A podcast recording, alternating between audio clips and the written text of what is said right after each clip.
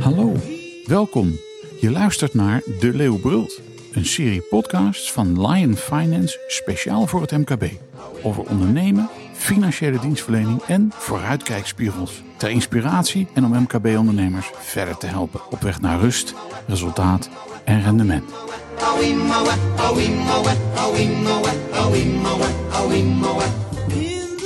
Dat je luistert. In fiscaal opzicht is er altijd wel iets nieuws te melden. Maar rondom de jaarlijkse voorjaarsnota houden fiscalisten de oren natuurlijk bijzonder gespitst. Want rondom dit politieke begrotingsritueel worden niet zelden belangrijke en ingrijpende besluiten genomen. Met vaak ook fiscale gevolgen voor bijvoorbeeld MKB-ondernemers. Is alle reden om voor de zomervakantie door te nemen wat er zoal is langsgekomen en waar MKB-ondernemers de komende tijd rekening mee moeten houden. En die verkenningstocht voeren we uit met twee fiscalisten. Hans Schreuder en Lodewijk Derkman. Beide als specialisten toucheer actief binnen Lion Finance. Heren, van harte welkom. Dankjewel. Dankjewel. Hans, allereerst een vraag aan jou. Als we ons dus beperken tot de elementen die belangrijk zijn voor het MKB, wat is het meest in het oog geschoten als we dan de, de ontwikkelingen rondom de voorjaarsnota bespreken? Nou, om uh, te beginnen is, uh, is wel helder geworden dat de overheid uh, belastingopbrengsten gaat missen omdat de energiebelasting wordt aangepast. B2 op energie wordt, wordt verlaagd. en daarnaast moeten er een aantal additionele uitgaven gedaan worden. Uh, denk aan de compensatie voor de laagste inkomens met betrekking tot hoge energierekeningen. En dat alles leidt ertoe dat er een behoorlijk tekort is in de ogen van het ministerie van Financiën. En dat moet gecompenseerd worden. Nou, voor het MKB is van belang dat men met name denkt aan aanpassingen in de VPB-sfeer. het opstaptarief van 15% van nu geldt tot uh, 395.000 zal worden verlaagd in de zin dat de 395 wordt teruggebracht naar 200.000. En uh, boven dat bedrag aan belaste winst zal het tarief weer 25,8 zijn. Nou, dat is een aanmerkelijke verzwaring. Daarnaast denkt men aan een verhoging van het aanmerkelijk belang. Ook daar zal een opstaptariefje worden gehanteerd. Dat gaat overigens pas in 2024.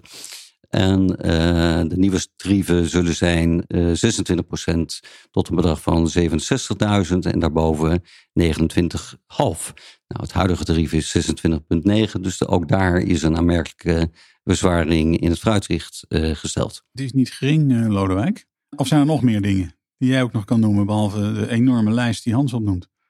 Ja, ik denk dat de overdrachtsbelasting, dat dat nog een belangrijke is om te noemen. Die gaat van uh, van 9% voor zeg maar, de, de beleggers naar 10,1%. Nou, en dat is, uh, dat is een behoorlijk extra verzwaring, waardoor uh, de beleggers, er zeg maar minder beleggers zullen zijn die sneller een, een, pand zullen kopen. Dus, dus dat is een belangrijke. Ja, een andere die ik ook nog wel belangrijk vind in het internationale verkeer. Hè, in het kader van de aantrekkelijkheid van Nederland als, ehm, ja, als land voor gekwalificeerde werknemers. Uh, is de expat, uh, de 30% regeling voor expats, die, uh, die wil men gaan beperken. Nou is die wel, zal die worden beperkt tot de balken en de norm. En dat is toch wel een, een vrij forse norm, vind ik. Dat is 216.000 euro. De vraag is of dat nou echt een, ja, een beperking is die veel impact zal hebben ik vind 216.000 al een behoorlijk uh, salaris. Misschien voor mensen die vanuit het buitenland komen niet. Dat klopt. Voor de internationale multinationals, de CEO's die hier uh, willen komen, zal dat misschien een, een barrière zijn om hier te, te, willen werken of te komen werken. Um, beetje ook een vraag voor jullie beiden. maar laat ik maar eerst maar even zijn bij jou, Lodewijk. Is bij jou als we kijken naar die veranderingen en aanpassingen.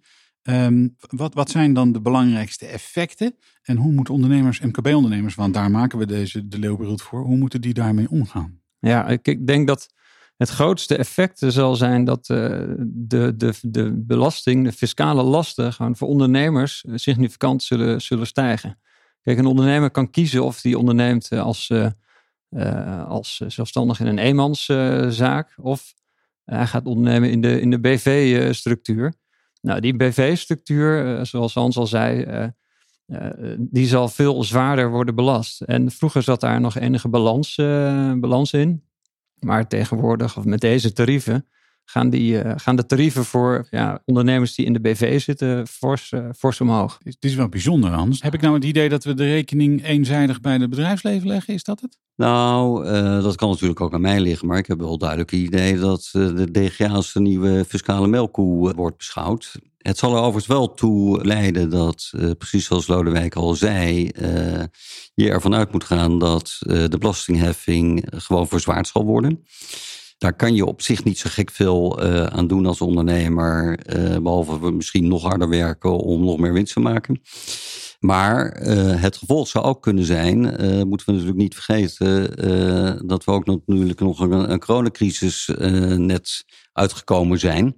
En hopelijk blijft dat zo. Dus er zijn nogal wat achterstallige belastingen die nog ingehaald moeten worden. Uh, het is de vraag of iedereen uh, dat kan opbrengen als de tarieven ook nog eens een keer omhoog gaan.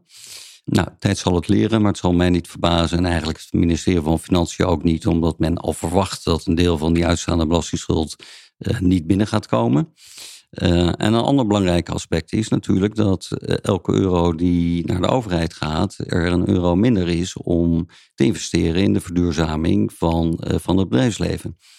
Dus al met al uh, zal het uh, behoorlijk wat gevolgen hebben, is mijn inschatting. En het is de vraag of je dat wil, uiteraard rekening houden. Want uh, zover moeten we ook zijn dat de overheid de uitgaven die men wil doen ook zal gaan doen. Zullen er meer belastingopbrengsten moeten komen? En als we die verzwaring voor het MKB of het bedrijfsleven in zijn algemeenheid, MKB in het bijzonder, als, we die, als je die lijst nou eens bekijkt, die, jij ook, die jullie allebei hebben genoemd, is het daarmee klaar of zitten er nog dingen in de pijplijn waar we de rest van het jaar nog mee kunnen worden verrast, Hans? Nou, het zou nog uh, een gaatje erger kunnen als ik kijk naar een initiatiefwetsvoorstel van wat jij altijd zo mooi noemt, de linkerzijde van de voorzitter. Dan uh, die praten over AB-tarieven van uh, eh, 40,8, dacht ik.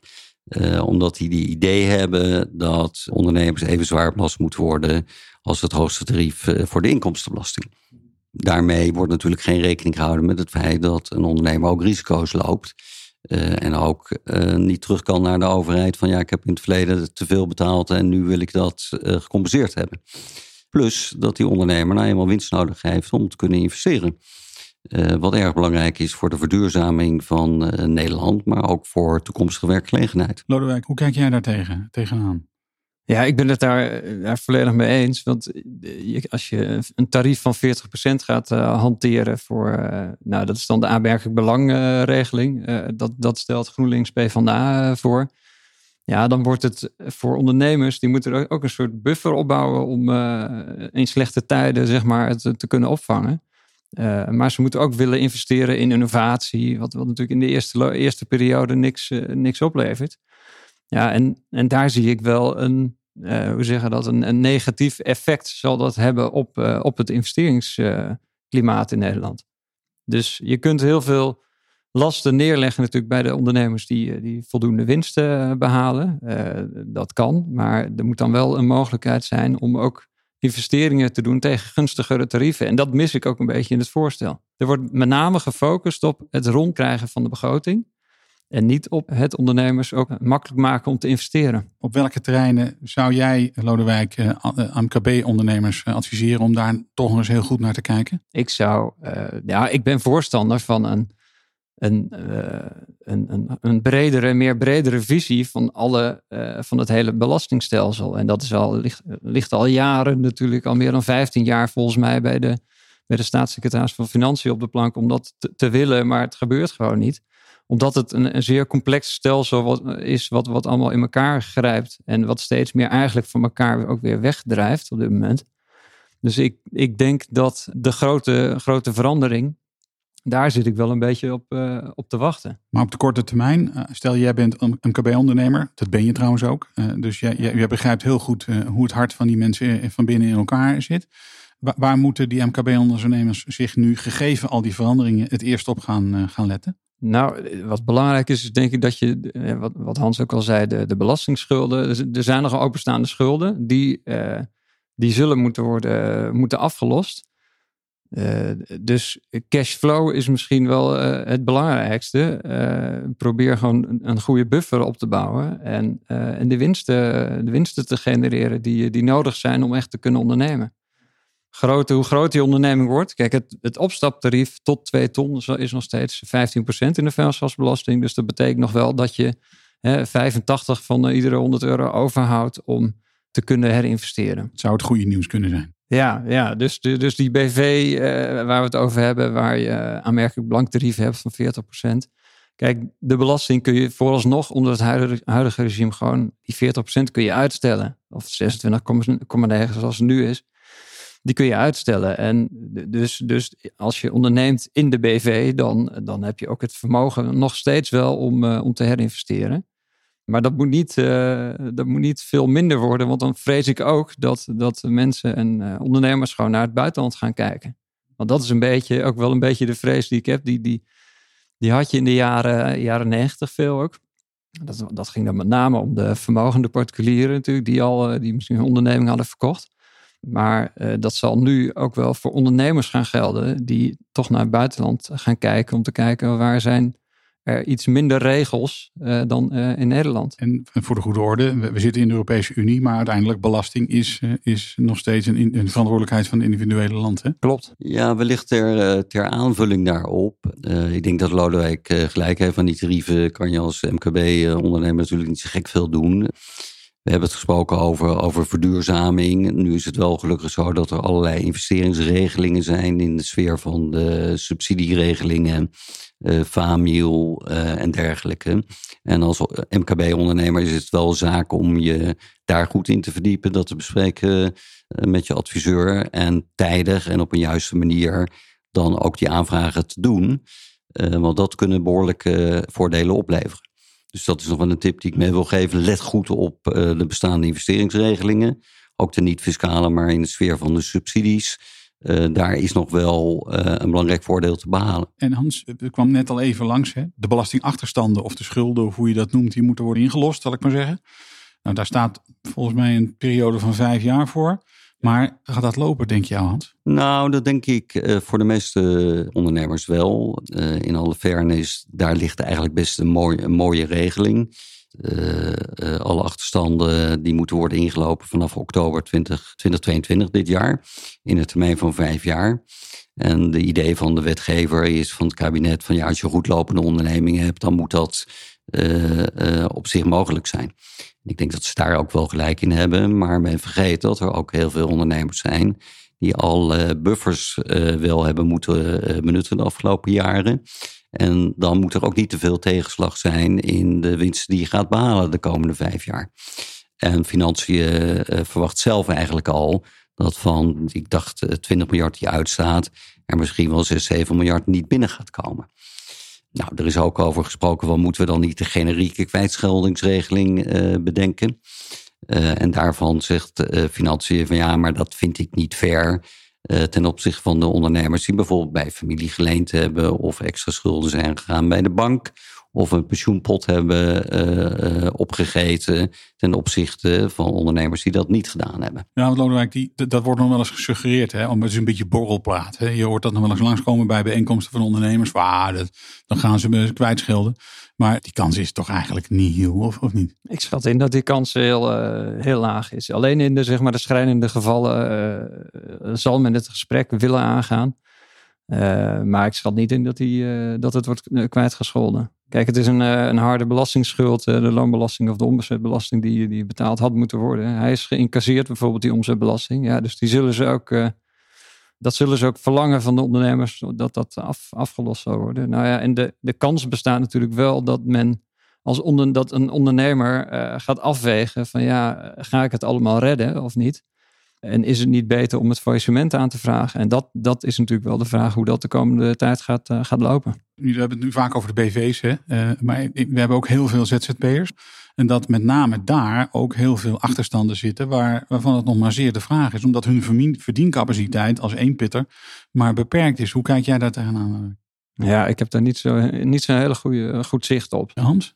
Nou, ik heb het idee dat uh, met name eh, bij de ZZP'ers er heel veel uh, verborgen pijn geleden is. Daar speelt nogal eens dat familieleden, partners, broers, zussen gewoon bijgesprongen zijn. dan hebben ze inderdaad een belastingsschuld. En als je een behoorlijke belastingsschuld hebt, ja, dan is de ervaring dat je toch echt jarenlang heel hard moet werken om die achterstand dan in te kunnen lopen. Nu is het wel gelukkig zo dat de economie vooralsnog prima loopt. Ook voor heel veel ZZP'ers in de meeste sectoren. Maar we hebben toch ook wel een soort van recessiespook inmiddels. Uh, dus het is wel de vraag of dat de komende jaren in diezelfde mate blijft doorgaan. Het recessiespook, de fiscale maatregelen die we net besproken hebben. Uh, is, dat, is dit uh, een perfect storm of is, dit, is dat overdreven? Ja, dat vind ik, een last, ik vind het een lastig. Ik ben geen, geen econoom. Kijk, de economen die gisteren stond in het NRC een artikel over uh, ja, de economische of de, de uitgavendrift eigenlijk van de, van de overheid. Hè. Er wordt, uh, hier wordt op alle vlakken wordt, uh, wordt er gecompenseerd. In de AOW en het wettelijk minimumloon stijgt, zeg maar. Wordt, iedereen wordt gecompenseerd daarin. En ja, de ondernemer dat is, niet. De ondernemer niet. Nee, inderdaad. Dus de, ja, het lijkt erop dat links natuurlijk wel wat, wat ruimte, ruimte krijgt. En um, dat is ook een beetje de tendens wel. GroenLinks en PvdA vormen nu op dit moment een, een soort blok. Uh, waarbij ze ook veel, eh, veel macht krijgen daarin. Maar het, het, kost wel heel veel geld. En wie moet dat financieren? Ja, dat zijn toch de, het werk in Nederland. En dan komen we feitelijk terug bij jouw opzomming helemaal aan het begin. Waarbij je een heleboel regelingen opzomde, Hans. Maar dat het woord verzwaring was de grote ruggengraat. Ja, ik denk dat we er, uh, ons er toch op moeten voorbereiden dat uh, ondernemend uh, Nederland een belangrijk deel van die extra kosten voor een rekening zal moeten nemen. Het is wat het is. We gaan het in de gaten houden. En nogmaals, deze algemene fiscale update, zoals we hem genoemd hebben, dat doen we een aantal keren per jaar. Want uh, kijk, we, zo meteen gaan we met Prinsjesdracht. Nou, dat is weer een mooi moment om bij elkaar te komen. Om weer eens even te kijken wat er, wat er dan allemaal op tafel ligt. Ik wil jullie heel hartelijk danken voor deze bijdrage aan de Leeuwbrult. Graag gedaan. Graag gedaan, dankjewel. Dit was hem weer voor vandaag. Namens Hans Schreuder en Lodewijk Derkman, bedankt voor het luisteren. Mijn naam is Koos Woeltjes en tot een volgende keer.